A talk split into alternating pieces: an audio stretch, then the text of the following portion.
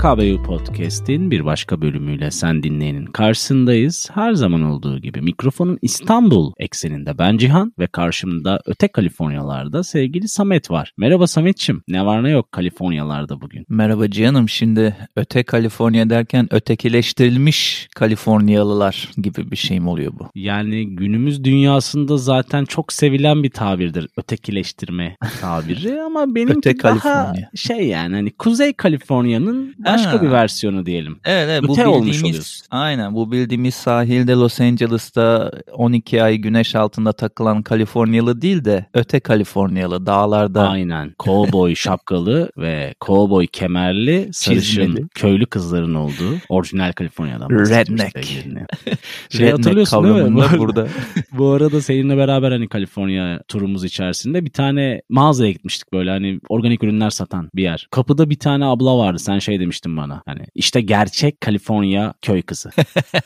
Evet galiba bu seninle yaptığımız wine tour'un bir kısmıydı böyle bir çiftlik evi gibi bir şeyin e, Evet. dükkanına giriyorduk. Aha. E, gerçekten de ama öyle bir ya stereotype diyorlar ya hani artık ortalama bir tip hani nasıl diyeyim sana kafeye gittiğinde telefonunu tespihini çıkarıp araba anahtarıyla masaya koyan e, gömlekli Türk erkeği nasıl bir klasik olduysa klonlaşmış gibi her yerde bulabiliyorsun. O kızlar da burada klonlaşmış bir şekilde her yerde bulunabiliyor kuzeye geldiğinde. E, dediğin gibi kovboy şapkası, uzun deri yılanlı çizme ve büyük bir kemer gözünün aldığınca büyük böyle bir parlayan Tokası kemer var, ile e, içeriye doğru sokuşturulmuş bir gömlek tabii kot pantolon üzerine ya oldu işte Kaliforniya Kuzey Kaliforniya kızı çizdik hep beraber aklımızda zihnimizde şu an. ne var ne yok oralarda? Kaliforniya kızlarını bir kenara koyarsak. Ya şimdi bölümü yaptığımız tarih itibariyle buralardan çok daha uluslararası bir gündemle dolu dolu geçiyor hafta sonumuz ve Aynen. hafta içi de öyleydi. Dolayısıyla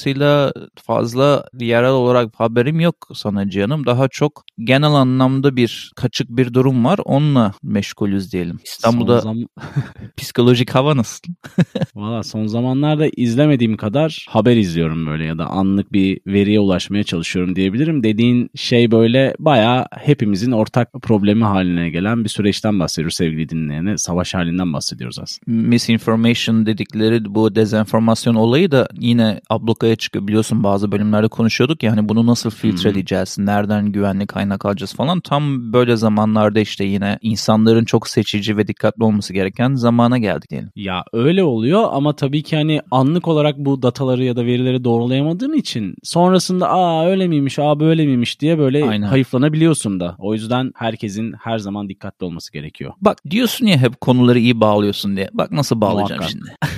Hazırım. Şimdi bu çılgın savaş hali bir anda yanlış bir kararla cehennemin kapılarını bize açabilir diyeyim. Kesinlikle doğru. Ama bugün farklı bir cehennem kapısından, cehenneme açılan bir kapıdan veya cehennemin kapısı diye adlandırılan aslında bir doğa ve insan olayından bahsedeceğiz. Hem doğanın hem insanın içinde etken olduğu bir olaydan bahsedeceğiz. Evet. Sevgili dinleyen bu olay nedir? Bazen Darvaza gaz krateri bazen de Derveze diye söylenen gaz kraterini konuşacağız. Bu krater niye bu podcast'in konusu? Çünkü ilginç bir şekilde durmaksızın yanıyor değil mi canım? Kesinlikle öyle. Hadi sana bir soru sorarak başlayayım çünkü öyle girdin sen. Sence gerçekten bir doğa olayı mı yoksa insan efekti mi? Yoksa ikisi de mi? Yani şimdi işte anlatacağız biraz bunu ama burada bir doğal bir gaz var yanan o anlamda doğa olayı dedim. Yani burada bir materyal Ha. var doğanın Anladım, e, tamam. parçası olan ama burada Hı hı. da bir insan etkileşimi var buna sebep olan. Dolayısıyla o anlamda onu söyledim. Ya nereye gidiyoruz bu sefer? Türkmenistan'a gidiyoruz. Çünkü her bölümde Evet. bir yerlere götürmeye çalışıyoruz sevgili dinleyeni. Bu sefer Türkmenistan'ın aşmak bilinmeyen garip çöllerine doğru yol alacağız. Deyim yerinde ise etrafında sineğin bile uçuşmadığı bir yerde bulunan bir gaz krateri bu. Bir de Evet. işin ilginç tarafı benim için Cihan'ım bilmiyorum sen bunu ne kadar araştırabildin. İşin içine ne zaman önceden dağılmış olan Sovyetler Birliği girse ve onların bilim adamları girse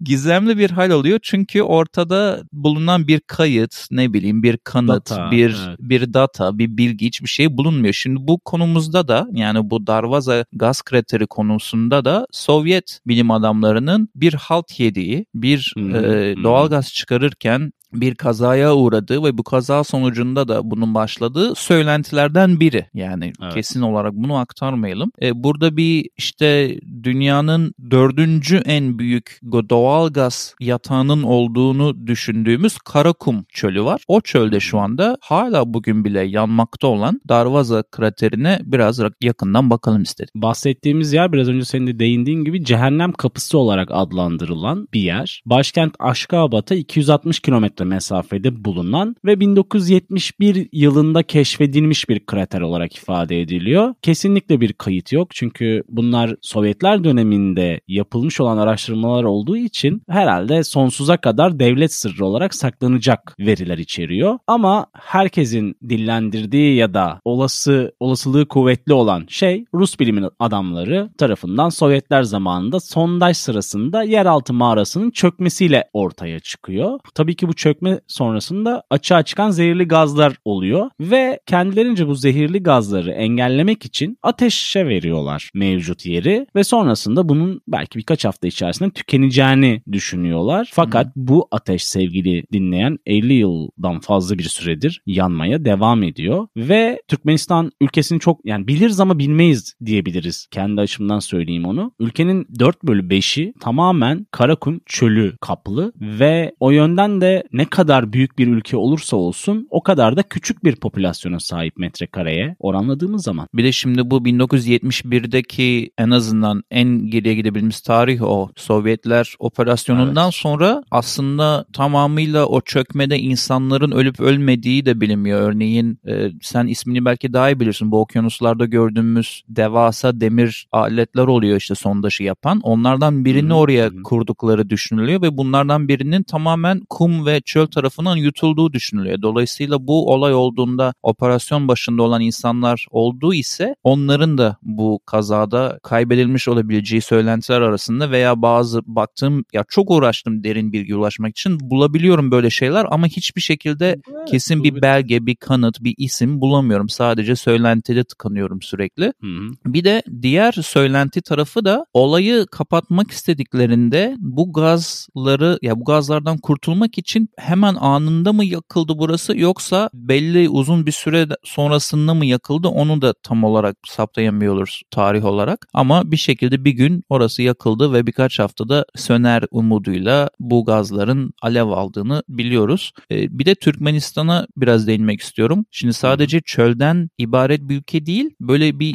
yavru Kuzey Kore gibi kendi içine de kapanık bir ülke. Son evet. zamanlara kadar da izin verilmiyordu fazla insanların e, turist olarak gelip gitmesi. Şu an itibariyle en azından biraz daha mümkünmüş o izinler alınarak işte özel vizeler bilmem neler turistler girebiliyor. Girdiği zaman da o kratere kadar eğer istiyorsa gidebiliyor. Hı. Ama mesela oraya gitmeye çalışırken çok fazla kaybolan tecrübesiz turist hikayeleri de okudum bloglarda. Sonuçta o yola çıktığın anda Cihan'ım 360 derece aynı çöl tepeleriyle ile karşılaşıyorsun ve Tabii bu arada bahsettiğimiz yere de öyle otobandı işte işaretlerdi böyle rahat rahat haritamı açayım Google Maps'ten gideyim gibi bir durum da söz konusu değil. Dediğin gibi Akşabat'tan birazcık vahşi bir Aynen. sürüş oluyor. Hı hı. E, oranın dolayısıyla turistik bir ülke olayı yok ama baktığın zaman ülkeye ülkeye dair turistlerin gitmesi için tek sebep olarak da bu gaz krateri önümüze çıkıyor.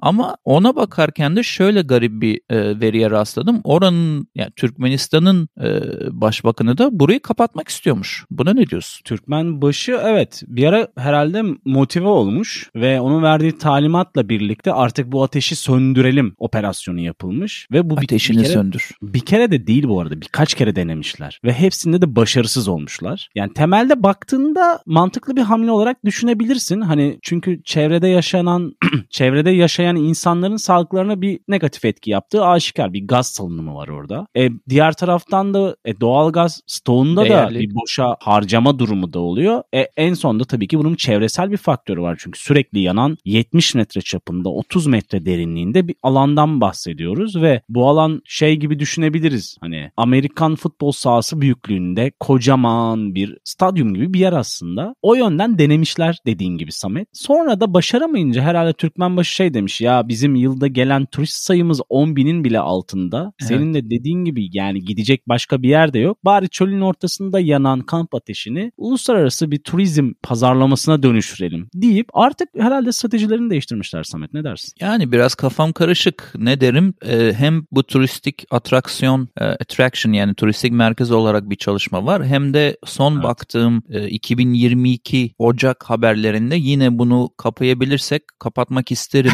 demeçleri var başkanın. Şey ee, ya da ya. büyük projesi gibi değil mi?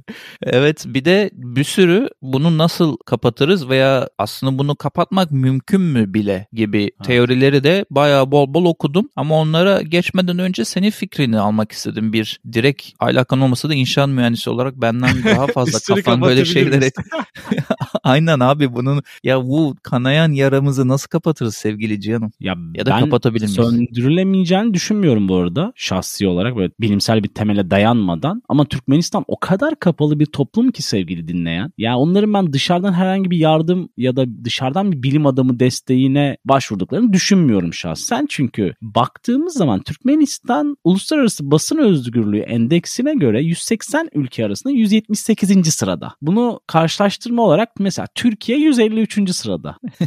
Yani Söylemeydin iyiydi.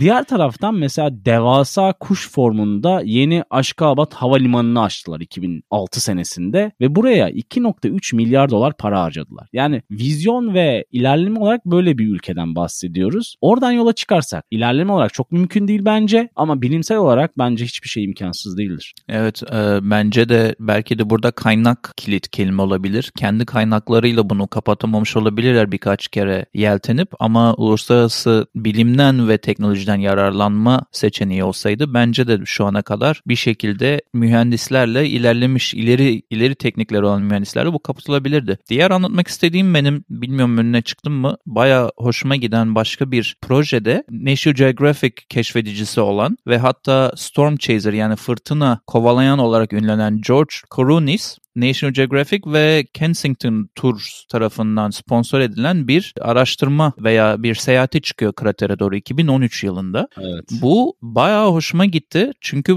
yani bu krater bu arada bayağı bayağı sıcak. Yani bu yanan alevler içi falan bir volkanik dağın içine girmeye evet. benziyor Aynen. karşılaştırma Zaten olarak. görüntüleri izlemişsindir. Bayağı şey gibi uzayda seyahat eden bir astronot Hı-hı. edasıyla Mars'a adım atmış gibi falan böyle değişik bir Aynen. kıyafeti de vardı. Evet evet kıyafetleri de biraz ayrıntıya baktım. Gerçekten de yanmayan evet. özel ayakkabılar, yanmayan, erimeyen özel pantolonlu olsun, iç çamaşırı olsun her şeyini adam full böyle bir metalik bir şekilde ağır bir şekilde inmeye evet. çalıştı oraya ki çok da zor ve ağır bir şekilde indi. E, bu expedition dedikleri bu keşif turunu niye önemli benim için? Asıl amacı onun oraya indiğinde en dibe varabildiğine veya toprağına varabildiğine yanan dipteki yani en sıcak, en yaşanması veya durum olması zor yerde herhangi bir e, canlı türüne, bir bakteriye, bir mikroorganizmaya bir şeye rastlayabilir miyim diye oradan hmm. örnekler almak için giriyor. İşte burası da heyecanlı tarafı. Şimdi dinleyen diyor ki ee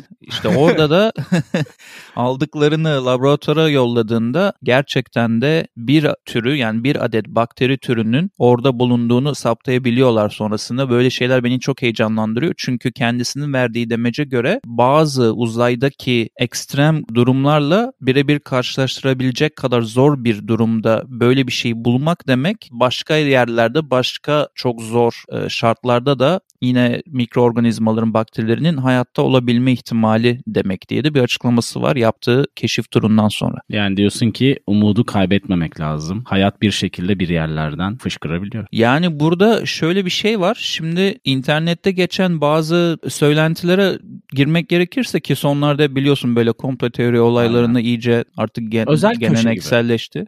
Özel köşemiz oldu neredeyse. Yani burada tam olarak ne yapıldığı bilinmiyor ama işte Hı-hı. burada bir sürü insanların komplo teorileri var. Orada işte jeoloji uzmanlarının bir sürü yaptığı araştırmalar var göya öyle söyleniyor yani. İşte Türkmenistan'ın başkanının gaz kraterinin etrafında arabalarla turlar atıp ölmedim ben falan dediği gibi saçma sapan bilgiler çıktı karşıma. Yani hakkında bir suikast iddiası bir şeyler olmuş ve bir arabaya atlayıp kratere gidip kraterin etrafında donut dediğimiz ve bildiğimiz donattan bahsediyorum. Donut dediğimiz turları atmış yani kendi arabasının etrafında dönmüş kraterle beraber falan. Ya böyle çok Hmm. saçma bir nasıl diyeyim sana e, sürreel bir dünyası var Türkmenistan'ın. Yani kuş şeklinde havaalanları patinaj çeken hiç sönmeyen krater yanında patinaj çeken bir başkanı var falan. Garip kaçık bir durum diyebilirim kendi açımdan.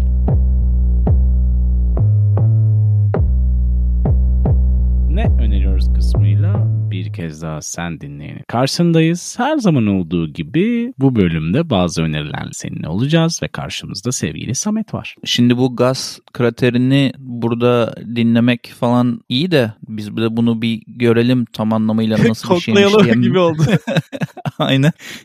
Merak edenler varsa çok çok kaliteli 4K, 4K drone ile çekilmiş çok iyi bir görüntüsü var YouTube'da. Fearless and Far adlı YouTube kanalının görüntüsü ve zaten adı da Darvaza Gas Crater The Door to Hell Türkmenistan. Yani basit bir şekilde adını yazmış ne olduğunu. Onun linkini atabilirsek hkbupodcast.com'a bence bakmaya değer. Gerçekten de ya bilmiyorum sen baktığında sana böyle of çok iyi, çok heyecanlı bunu izlemesi mi diyorsun yoksa daha çok böyle az önce bahsettiğin gibi çevreye zarardan dolayı aslında ya bu ne keşke bu kapatılsa gibi mi bakıyorsun? Çünkü ben ikisinin arasında kalan insanlar görüyorum buralarda kamera çekimleri yaptıklarında. Nasıl Ya şimdi zaten dair. Yeterince çekmişlerdir diye düşünüyorum. Yani doğaya bir zararının olduğu aşikar. Şey gibi hissetmedin mi sen de? İzlemesi keyifli böyle hani Diş Türk'ün yanan şömineleri Evet. gibi böyle sürekli Evet, evet. mekanlarda açarlardı ya 5-6 televizyonda. Ama bir noktada sanki zaten çok turistik bir yer değil burası. Kapansa iyi olmaz mı? Ne dersin? Bence de kapansa iyi olur. Bakması yani tabii ki de dronlarla gece çekilen mesela gece çekilen görüntülerde etrafı Evet. kum olduğu için Daha- kapkaranlık kalıyor. Ortası Daha alevler etkileyici içinde. Evet. Evet yani böyle şeyler yapmışlar. Bu Fearless and Far YouTube kanalında zaten o tarz şeyler de var. Bu eleman blogger veya vlogger şeklinde buraya seyahat yapmış. Ayrıca merak edenler için diğer önerim de en başından havaalanından inip oraya gidene kadar orada çekimler yapıp dönene kadar adım adım anlattı. İşte vlogger dedikleri tarzda bir videosu da var aynı kanalda. Ee, Roasting Marshmallows Over the Door to Hell diye de böyle dokunduran şakayla karışık bir ismi var YouTube videosunun. Bir de bir başka podcast konusu olabilecek başka bir konuya da rastladım buna bakarken. Hmm. Kasım 1992'de 3 kişi bir volkanik dağı Hawaii'de filmlemek isterken helikopterleriyle beraber volkanın içine düşüyorlar. Bu adam National Wow. Geographic'teki adam içine gitmiş ya bu kraterin. Oradan bağlantılı olarak bu Aha. konuya istemeden geldim. Şey gibi bu Arif'in Manchester'a attığı golü ararken e, başka yerde kendini bulan YouTuber gibi oldum. E, dolayısıyla o konuda ileride konuşabileceğimiz bir konu. O insanlar e, Evet çok enteresan. o volkanın içinde kalıyorlar ve anlatmayalım hepsini. Sonrasında bir şekilde kurtarılıyorlar. İlginç bir hikayeymiş. Orada da buna benzer aslında e, nasıl diyeyim sana doğa şartları var. Gazla yani beraber. şu an spoiler verdin ne öneriyoruz kısmını buraya kadar dinleyen sevgili dinleyeni ödüllendirdin. ne spoilluyoruz bölümünde. Ee, bir de çok uzattım bu köşeyi. Hemen iki tane şarkı önermek istiyorum. Sevgili dinleyenler bu aralar ne dinleyelim var mı güzel bir şeyler diyorsa Kalbenden Bir Şeyler şarkısını bizim seninle yarattığımız bir listemiz var Spotify'da, Deezer'da, YouTube'da. Oraya ekleyelim. Bir de bir grup var adı Black Light Burns. Onlardan da Cruel Melody isimli şarkıyı eklemek istiyorum. Ve bu kadar uzun tuttuğum, belki de ender uzun tuttuğum ne Kesinlikle. köşemden sonra.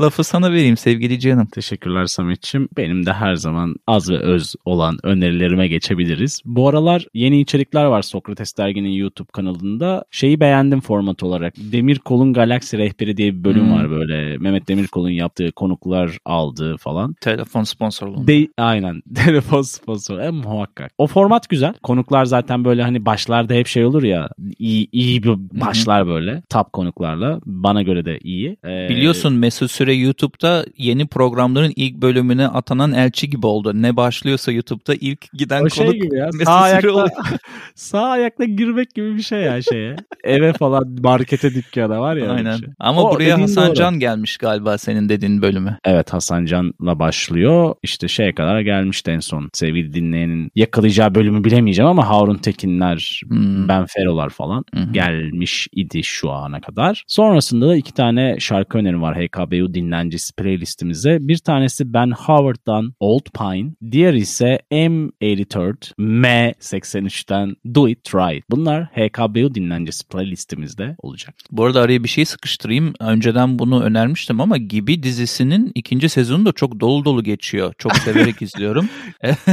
Böyle e, saçma komedi e, kategorisindeki şeyleri... Kara Evet, bun- dibi. Ya bunu dayanmaktan ziyade benim için inanılmaz çok keyifli bir şey öyle şeyler Tabii. izlemek. Çok sürreal bir dünya benim için o da. Ee, Ya ben bence orada bir bölüm bu arada. öyle mi? Evet. Hangisini atladın? Dayanam- çok merak dayanam- ettim. Dayanamadım.